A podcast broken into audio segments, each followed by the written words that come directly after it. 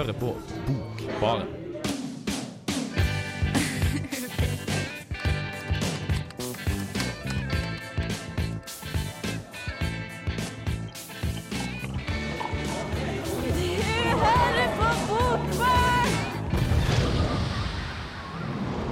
Hei og velkommen til en ny sending her i Bokbaren. Eh, I kveld så har vi jo låtskriveraften. For det 13. oktober nå i eh, år så fikk Bob Dylan Nobel litteraturpris. Eh, og begrunnelsen for det her var at den hadde skapt nye poetiske uttrykk innenfor den store amerikanske sangtradisjonen. Så i dag så skal vi rett og slett prate om musikk og litteratur. Og i tillegg til meg, Siri Studio, så har jo selvsagt med meg Johannes. Hallo, hallo. Du, har jo, eh, du driver jo utdanninga til musikkviter. Ja, Jeg gjør visst det. Ja, I tillegg til at du har breddeår i litteratur. Det må vi bemerke at det Ja, har. Ja. Så det er kanskje en, en ekstra spennende sending for deg? ja, det er jo egentlig det. Jeg er jo ganske glad i Bob Dylan òg, sånn, eh, både musikkmessig og tekstmessig. Ja, bra. Og så har vi gjest i studio i dag. Eh, hun som ga meg min første Bob Dylan-CD, faktisk. Sigrid Elise Strømmen. Hei. Du har jo bachelorgrad i litteraturvitenskap, du òg, master i oversettelse. Mm. Og så er du i tillegg super Bob Dylan-fan. Yes. Hen var du 13. oktober klokka 11 da Bob Dylan fikk litteraturprisen? Du, jeg satt og jobba eh, på PC-en, og eh, da er man jo ofte inne på Facebook. Um, og så så jeg at ei venninne hadde posta en status eh, der det bare sto Bob med hjerte rundt. Liksom hjerte på hver side. Og så tenkte jeg nå er han død, tenkte jeg. Å ja. Og det er litt artig, da, for at det går jo uh, litt artig at jeg med en gang jeg hører Bob, så tenker jeg Dylan, da. så da var jeg inne på Google med en gang og bare hadde hjertet i halsen og, og googla Bob Dylan News.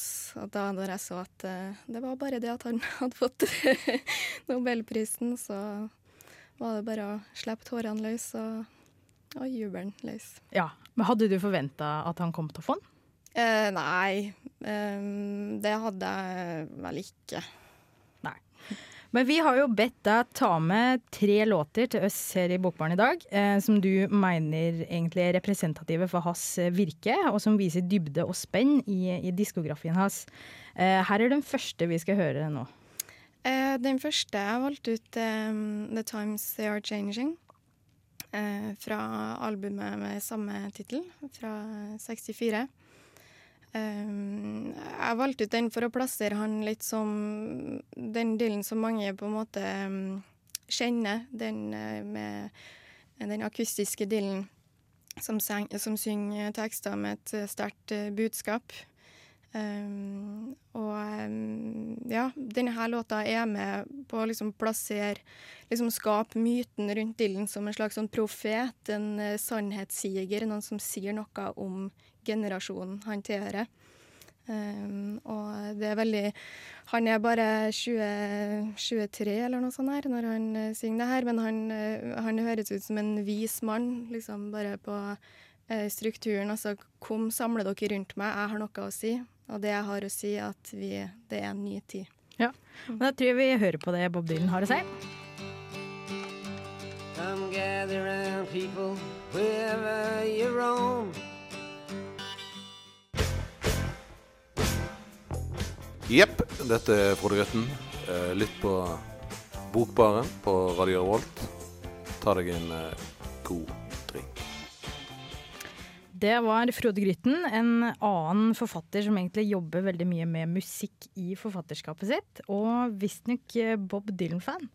Eh, nå hørte vi jo akkurat 'The Times They Are Changing'. Eh, hører du mye på tekst da du lytter til musikk vanlig? Egentlig ofte så må jeg si nei for min del. Eh, Det kommer litt an på artisten og om jeg har noe forhold til tror jeg, om den artisten skal ha noen gode tekster. Men ofte tror jeg bare jeg kan høre på musikk eh, uten at jeg hører så mye på teksten òg. Du da, Sigrid? Jeg syns det er veldig veldig vanskelig å si, altså. Um, fordi um, det er så vanskelig å skille det, kanskje spesielt når det er gode tekster og god musikk, da. At det blir um, ehm, Det blir liksom vevd inn i, i hverandre, da. Kanskje særlig popmusikken, tenker jeg, som der du har, eh, hvis du har et sterkt refreng, en god, mm. et, et bra hook, og kanskje sånn, en sånn catchphrase og i refrenget, da, så er det på en måte nok eh, ofte til at du føler du skjønner hva Når du får, både får stemninga i musikken, eh, den fine melodien og kanskje noen få fraser, så har du på en måte fått en følelse av hva det handler om, tror jeg. Ja. Men det er klart, det blir jo ekstra sånn som med Bob Dylan. da, så er jo sånn, Hvis du begynner å få en interesse for Bob Dylan, som du snakka om at du var ganske ung da du Sigrid, da du begynte å høre på det, så tror jeg man går inn i det for å sjekke ut på en måte, ok, hva er det tekstene handler om. For man vet jo at det, det er halve greia. Ja. Og i tillegg til det, så tror jeg når jeg hører den låta som vi hørte i stad, Times They Are Changing', så er det sånn ganske simpel musikal. da, liksom En fyr med kassegitar og munnspill. Så da er, det, da er det jo lettere å gå over til teksttolking. Ja, for da er det noe med på en måte uttrykksformen som framhever det tekstlige. Eh, og i mottakelsen av, eller resepsjonen, eller det rundt av det offentlige ordskiftet eh, i kjølvannet av denne tildelinga, så har du jo spesielt Knut Schreiner, eh, kultursosiolog og, og Euroboy turboneger. Han har jo gått ut ganske krast og kalt det her for altså, feil eh, pris til eh, riktig mann. Jeg kan jeg først bare få si at jeg opplever ikke den, for han ble angrepet for det, han eh, Knut, at eh, han eh, var veldig negativ, da, men jeg oppfatter Ja. ikke det som egentlig negativ noe særlig grad til verken Dylan eller hans kunst, da, men mer som du sier at, at det var en pris som ikke passa han. Mm, jeg syns altså, jeg syns han trekker fram mye, mye fint. Det her med at du skal ikke Det er ikke et poeng at du skal trekke teksten ut fra musikken, verken hos Dylan eller hos andre låtskrivere. Um, og så var jeg veldig fornøyd med at han, eh, han eh, at han, i hvert fall i den artikkelen i NRK, at han nevner at uh, Dylan som vokalist han får jo mye tyn for at han ikke kan å synge, og det er jeg egentlig ganske lei av av å høre. Så det var veldig fint hvordan han han visste det, da, men, uh, men jeg syns samtidig at mye av det han sier uh, om at det ikke er litteratur, blir et veldig sånn snevert syn på hva litteratur er, da. Det syns jeg. Ja, altså, det, det, jeg, det, er, kan, det er en god diskusjon, tenker jeg, som du sier, hva som er litteratur. Men det jeg også tenker han Euroboy, Knut Skreiner, da, trekker fram, er Bob Dylan som på en måte popkulturell figur og myte. Også, da. Det at han har forandret seg så mange ganger. Først var folkesanger og rocker senere, og, og flere ting da, som vi skal tilbake. Han har på en måte hatt sånn personlige transformasjoner. da. At eh, han trekker fram en del um, um, aspekter ved Bob Dylan da, som gjør han til en stor artist. Ikke bare låtskriver eller ikke bare sanger, men pakken. da. Han har jo, det er jo derfor han har fått prisen, fordi han har fornya de her poetiske uttrykka innenfor sangtradisjonen. Så vi ser jo ikke nødvendigvis kun på teksta isolert heller. Eh, og i den forbindelse så bør vi beveges over på neste låt du har valgt ut, Sigrid. Her er det vi skal høre. Ja, vi gjør et hopp. Det er egentlig et helt annet musikalsk uttrykk. Um, til plata Blond on Blond fra 66. Um, på de få årene fra 64 til 66 har det skjedd ganske mye med Dylan som artist. Um, han spiller med et band, og det fikk han jo veldig mye uh, Han ble kalt en forræder for den uh, liksom visesangstradisjonen han kom fra, men jeg tror ikke at han egentlig forholdt seg til, at, til noen tradisjon, altså at han tilhørte en tradisjon. Så, så låta vi har valgt ut, eh, er I Want You. Kanskje en av de Dylan-sangene det går an å danse til. Og Siris, en av Siris favoritter. Ja, det er det. Så eh, da hører vi den.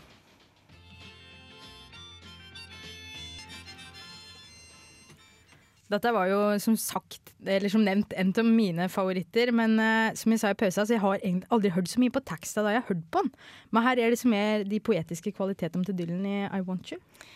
Nei, det her er jo Jeg syns liksom at hele den plata, og, og, altså tekstene um, Det er veldig billedlig, veldig mye symbolikk. Og som Johannes også nevnte i, i pausen, så er det vanskelig å tolke, men det er veldig sånn leikent og, og fritt i forhold til språket og, og bilder, da. Det er eh, enormt mye rom for fortolkning i mye av det Dylan skriver.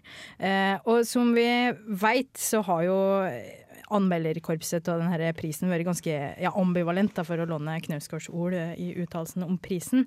Eh, men en eh, trondheimsbasert forfatter som var veldig, veldig glad over tildelelsen, var Fartein Horgard, og jeg tok en prat med han forrige uke. Da har jeg funnet veien til eh, det nyåpna Litteraturhuset. Her jeg sitter med Fartein Horgard, som er eh, aktuell med romanen 'Paradisets elendige'. Men i fjor så ga du jo òg ut et eh, Bob Dylan-leksikon. Her eh, innebærer det. Det, var, det kom i 2012.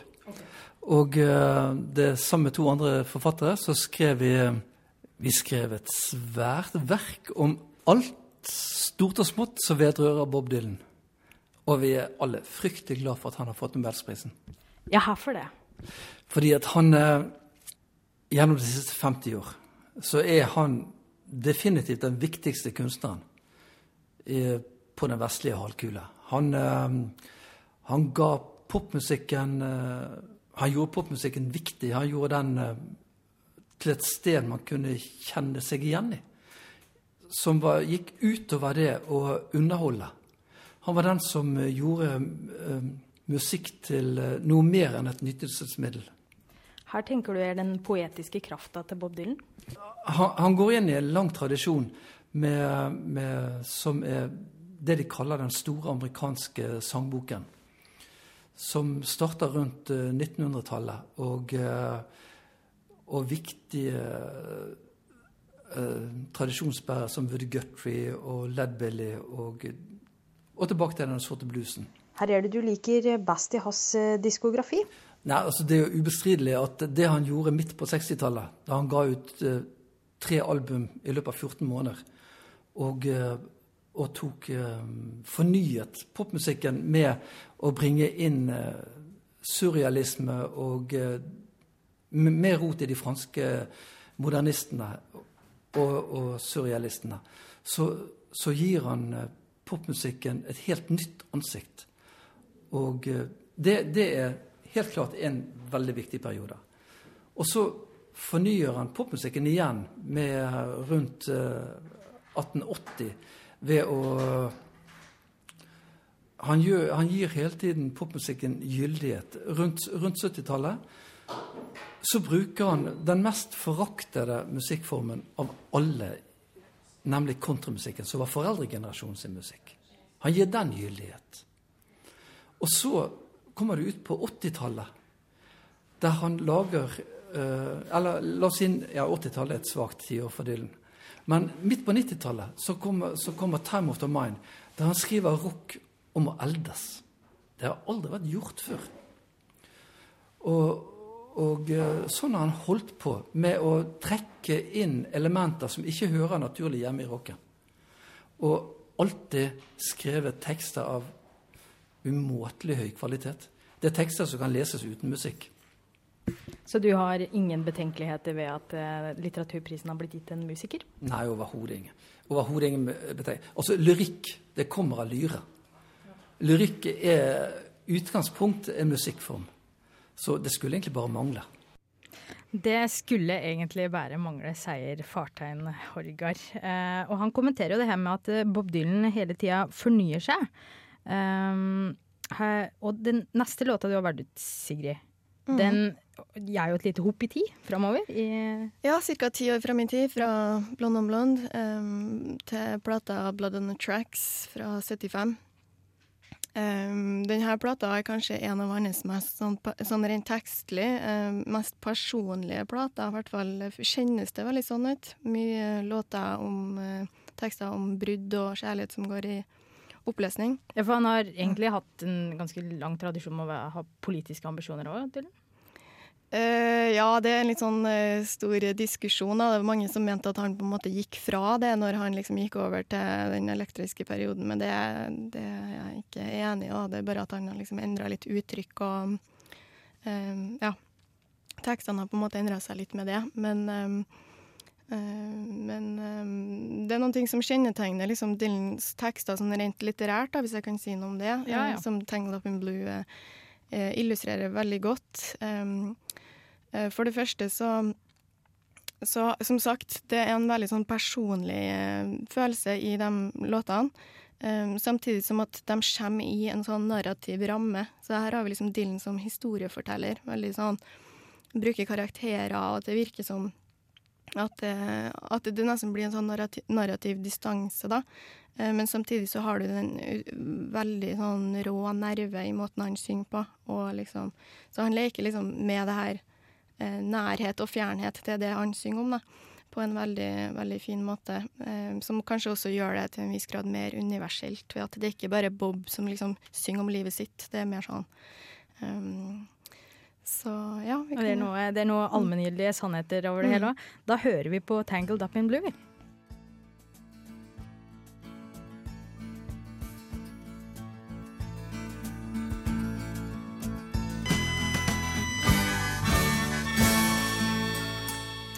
Det var 'Tangled Up in Blue' det, eh, med Bob Dylan. Og du nevnte jo før vi hørte sangen her, Sigrid, noe om at det, Bob Dylan tar i større, grad bruk narrative og litterære virkemidler. Mm. Um, han har blant annet et motiv som går igjen, som denne uh, låta um, har med et uh, motiv om å være på vei et sted, om å være på reise. Um, I bevegelse. Og jeg syns at sangen her også musikalsk liksom får fram en veldig framdrift i rytmen. Og han som sanger er han jo ganske kjent for det her med å være veldig stødig på frasering og timing og rytmikk, og hvordan han liksom tar med deg, uh, tar med deg på denne veien i låta. Tekstlig og, og musikalsk, da. Ja. Men eh, vi skal jo ikke vie hele sendinga til Bob Dylan. Ikke for at det hadde vært kjedelig, på noen måte, men fordi vi ønsker å synliggjøre litt eh, are artister, og egentlig på mange måter da, forfattere i gåseøyne i hvert fall, som, som skriver eh, god lyrikk. Og da eh, er vi over til en annen som er aktuell nå, med ny skive faktisk. Og en, eh, han er jo ikke aktuell med det, men Trøndelag Teater har satt opp en, en forestilling om han nå. Cohen ganger ti. Eh, Leonard Cohen. Johannes. Yes. Han, eh, Cohen han ble født i 1934, så han er jo faktisk en god del gamlere enn Bob Dylan. Så, men han kom jo litt senere til visesangen. da. På 50- og 60-tallet så skrev han, var han først og fremst forfatter og skrev, utga flere eh, diktsamlinger. Og i 1963 og 66 to romaner som het eh, The Favourite Game og Beautiful Losers. Men så da på slutten av 60-tallet så leste jeg her at han Cohen var så misfornøyd med den økonomiske avkastninga det ga å være skribent, da, så han prøvde seg på en musikkarriere. Men det var vel ikke bare derfor? Ja, han, eh, han sier nå sjøl at Dylan på en måte fikk han til å, å innse at uh, poesi ikke bare trengte å være i ei bok, men at det kunne synges. Hmm. Det er godt mulig jeg har lest det på Wikipedia, så Ja.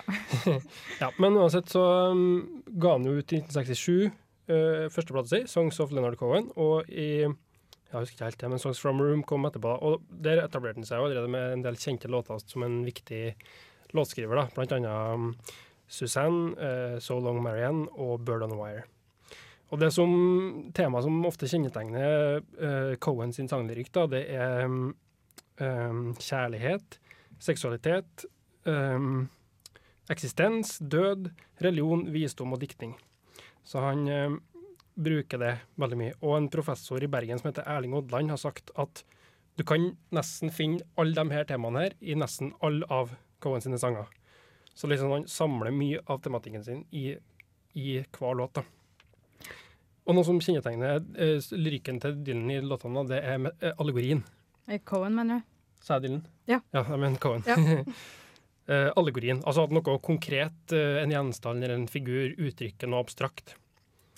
Og han bruker allegorien mye. Og i låta som jeg har valgt ut, og som vi skal høre, 'Ain't No Cure for Love', da er det akkurat det han gjør. Han, det handler jo på ett nivå om en kjærlighet, det er en kjærlighetssang. Altså kjærlighet til en annen person, en annen kvinne i Cohen sitt tilfelle. Eh, men det er òg en gudsallegori, da. Han snakker om å gå um, walk into a empty church og høre en stemme fra oven og Ja, er, sånne type ting. Så, så ofte den, den eh, dobbeltheten i Cohen sin sanglyrikk. Eller metafysisk kjærlighet, som jeg har eh, valgt å kalle det. Men da Mm. hører vi Leonard Cohen, 'Ain't No Cure for Love'.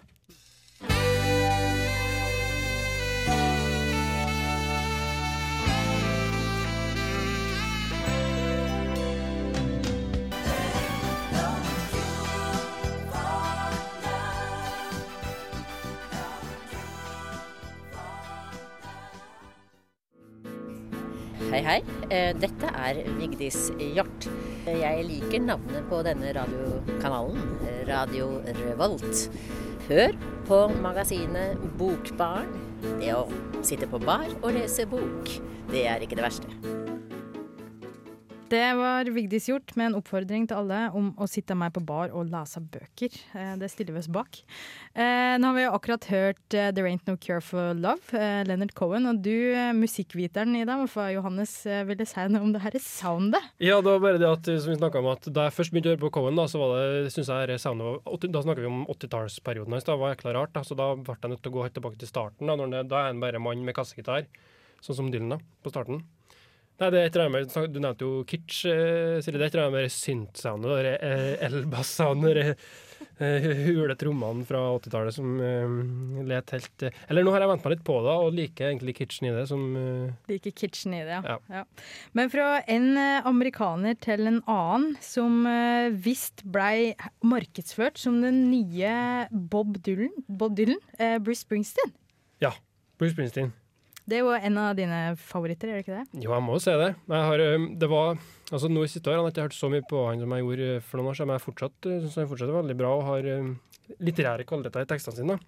Ja, få høre. Ja, Springsteen han debuterte i 1973 med 'Greetings from Asbury Park, New Jersey'. Så han plasserer seg veldig sånn lokalt der da, i New Jersey, rett på sida av storbyen New York. Og uh, Springsteen var en sånn karakter som reiste fra liksom forsted eh, New Jersey, hvis man kan få lov å kalle det og inn til storbyen og prøvde seg, og som du sa, ble markedsført som den nye dealen. Det gikk ikke så bra i starten, for han eh, solgte ikke så bra, men fra og med Born, nei, Born to Run, mener jeg, som var hans måte, gjennombruddsplate, så har han markert seg med en veldig jeg vil si både veldig tydelig stemme og image, og egentlig et prosjekt òg, da. Han er jo fra arbeiderklassestrøk og har den bakgrunnen sjøl, en blue collar man, liksom Mm. Eh, med erkeamerikanske motiver i tekstene sine.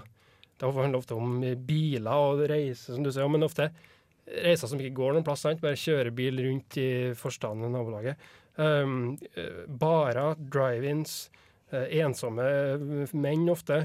folk uten jobb, uten retning i livet, og ofte et, et lite håp, men ikke så mye. Ja. Og vi skal jo høre låta 'Racing in the Streets', som Bob Dylan har sagt, har jeg lest, at han syns var den beste Springsteen-låta. Den låta har mye av de, eh, de elementene her. Da. Det, jo, han, det handler om en fyr som eh, liker å kjøre i gatene, og kjøre billøp liksom i, på amatørnivå i gatene. Og han har liksom skrudd sammen bilen sjøl med en venn, kameratskap. Og han er så klart et ulykkelig parforhold, som eh, ofte er i i Springst hos Springsteen, der det handler om unge mennesker som har hatt store drømmer, som eh, ikke har, har gått helt som, i oppfyllelse som de håpa. Men de får vel gjerne ofte knust av samfunnet òg, for jeg føler at det Springsteen med det her blue color soundet sitt og egentlig synliggjør en del av ja, modernitetens, eller baksida av modernitetsmedaljen, da.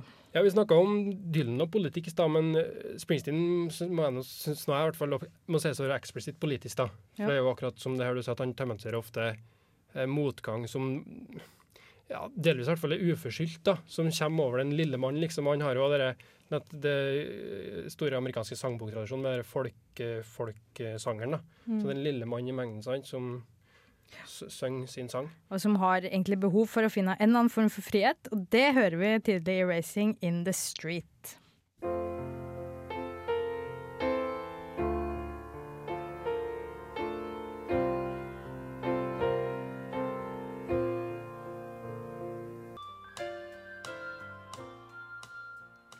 Det var eh, 'Racing in the Street' eh, med Bruce Springsteen. Ja, eh, jeg syns Bruce Springsteen er veldig bra. da. Og ikke for å sammenligne han med hans både forbilde, tror jeg, og forgjenger Bob, Bob Dylan.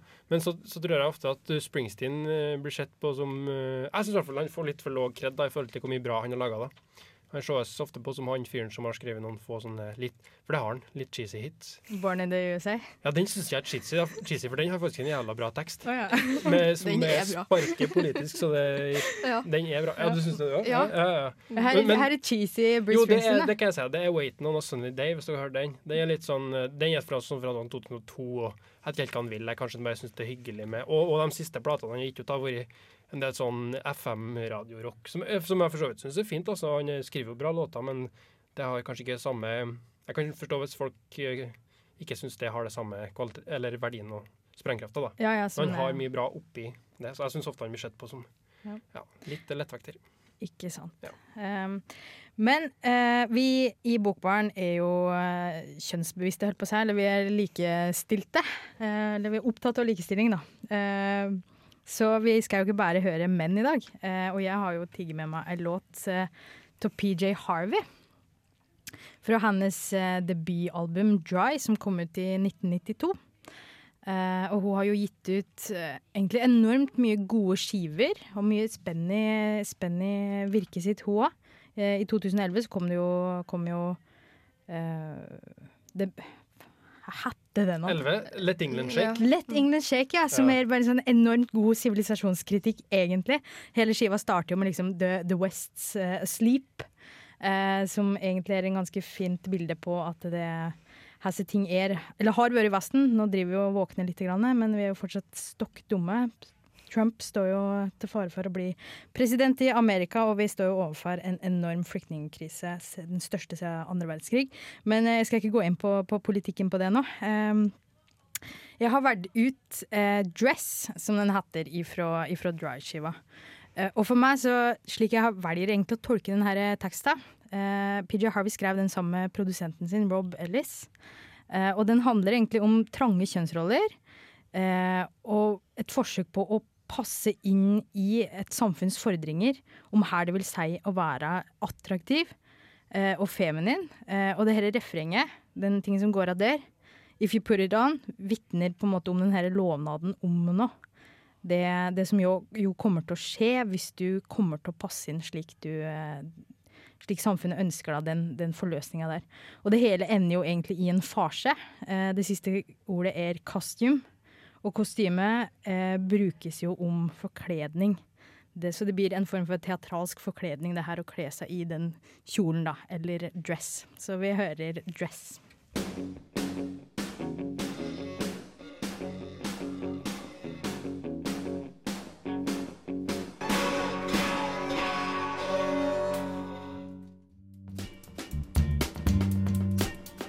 Hei, jeg heter Arild Wange og hører på Bokbaren hver tirsdag for å holde meg oppdatert på hva som skjer i litteraturen her til lands og ellers i verden. Så jeg er som Arild Wange og hører på oss for å holde deg oppdatert på her som skjer. Og i dag så har vi jo låtskriveraften. Nå hørte vi jo akkurat PJ Harveys 'Dress', en låt jeg var veldig begeistret for. Her tenker du? Fin. Veldig tøff uh, låt. Veldig kul måte å synge på, og tøft uh, uttrykk rent uh, spillemessig. Men du betvilte jo kanskje litt de her tekstlige kvalitetene til PJ Harvey? Nei, du, det var mer et spørsmål. Ja. Ok, da kan jeg, jeg spurte i hvert fall om det, om at du syns at du, hun skriver tekster da, på linje med eh, noen av de store eh, skri, eh, tekstskriverne vi har snakka om tidligere. Og da sa du ja. Men Ja. grunnen til at jeg tenkte var mer at det her var en ganske rimelig kort tekst med mye repetisjon og, og en del enkle bilder. da, Enkle motiv. Rent, eh, Ja, absolutt. og det er ingenting feil med det, så klart, men Nei, eh, altså det, det er litt av grunnen til at jeg valgte å ta med, og nettopp for å synliggjøre at eh, tekst og innenfor musikken kan være så mangt. Mm. Nå har vi fått på en måte noen gode narrativer, mye sånn symbolbruk, b- rom for fortolkning. Det her for meg var ganske enkelt å sette meg ned og høre, høre på det her, og så tenkte jeg her kan jeg trekke ut det her, og så trakk jeg ut nettopp den her, ja, det blir jo en feministisk tolkning da, til det her med trange kjønnsroller, men det var, det var mye å kunne si om låta likevel. Jeg er ikke enig, helt enig i at det hva du sa, feministisk tolkning. Jeg tenker at det, at det er spot on, det. Um, så tenker jeg, som du sier, det er viktig å ta med litt eh, bredde, da. Ja. Som du sier, at det er flere måter å skrive tekst på enn bare den surrealistiske Bob Dylan-måten, eller den historiefortellende. Det er jo det. Og det er òg flere språk å skrive tekst på. Ja. Eh, så vi må jo prate litt om den skandinaviske og norske sangtradisjonen nå. Eh, personlig så har jeg jo veldig mange svenske favoritter, men vi har jo bare en time her, så vi har ikke fått plass til det. Men eh, det er jo all, allikevel verdt å nevne f.eks. mye av den svenske punken, som på 70-tallet med Ebba Grøn var veldig politisk. Eh, og en, ja, det er vel vokalisten i Ebba Grøn, Tåstrøm, som har fortsatt gjennom imperiet og fram til dags dato. Eh, Fjerna seg veldig mye fra politikken og kanskje gått litt mer innover i det introverte. Og du er vel Tåstrøm-fan, er du ikke det, Ja. Sigrid? Ja, jeg har hørt mye på han de siste årene. Og um, bare for å nevne det, ja, han nevner jo Dylan som en av sine eh, forbilder eh, tekstlig. Men, eh, nei, synes, men han har, har jo også beveget seg litt bort fra den anglosaksiske musikktradisjonen òg, med mot den europeiske. Jeg syns det er spennende å se hvordan han har en helt annen struktur på låtene sine. Liksom mye mer sånn det er jo veldig sånn framdrift noen som er ute og går i en mørk gate for seg sjøl, og veldig sånn assosiativt. Mm. Eh, kanskje ikke så mye narrativt, men mer sånn eh, ja. Jeg er helt enig i at han skaper stemninger og maler fram følelser gjennom musikken sin i, veldig i samspill med, med musiseringa. da. Eh, det blir en helhetlig lytteropplevelse av det. Altså, du kan, eh, heller ikke med Tåstrøm så ønsker jeg å på en måte fullstendig isolere tekster. eh, fra, fra musikken, da. Men også her til lands har vi jo en egentlig ganske lang visetradisjon. Ja, du har jo det. Det er jo sikkert gamlere òg, men jeg tenker på Alf Prøysen som en viktig Jeg vet ikke om man kan kalle han poet, men i hvert fall, eh, han har i hvert fall fått en, eh, en ganske sterk posisjon i Norge de siste årene. Så har du mye rockeskrivere som er bra òg. Så um, De Lillos, Lars Lille Stenberg, mange som liker Jeg syns DumDum Boys eh, har kule tekster. Det er vel de fire store. Jokke, DumDum Boys, De Lillos og Raga Rockers.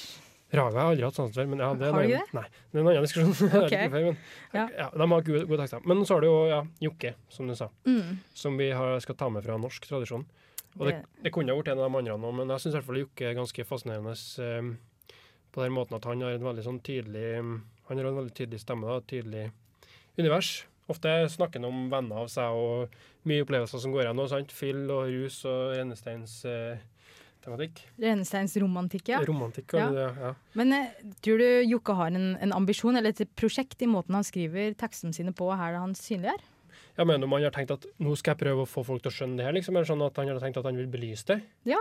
Nei, det er akkurat det som jeg tenker at um, altså det, man, det man føler, i hvert fall jeg føler, og mange tror jeg, når man hører Jokke sin musikk og tekster, det er at det er ærlig, liksom. Han synger jo ofte hvor dårlig fyr han er, hvor negativ han er, sånn som den låten vi skal høre, da. Um, og det, det føles ikke som noe han bare tar på seg, tror jeg. Og det, jeg vet ikke om han leste det litt ut ifra biografien, han døde jo av rusmisbruket sitt. Ja. Men uh, jeg føler i hvert fall det.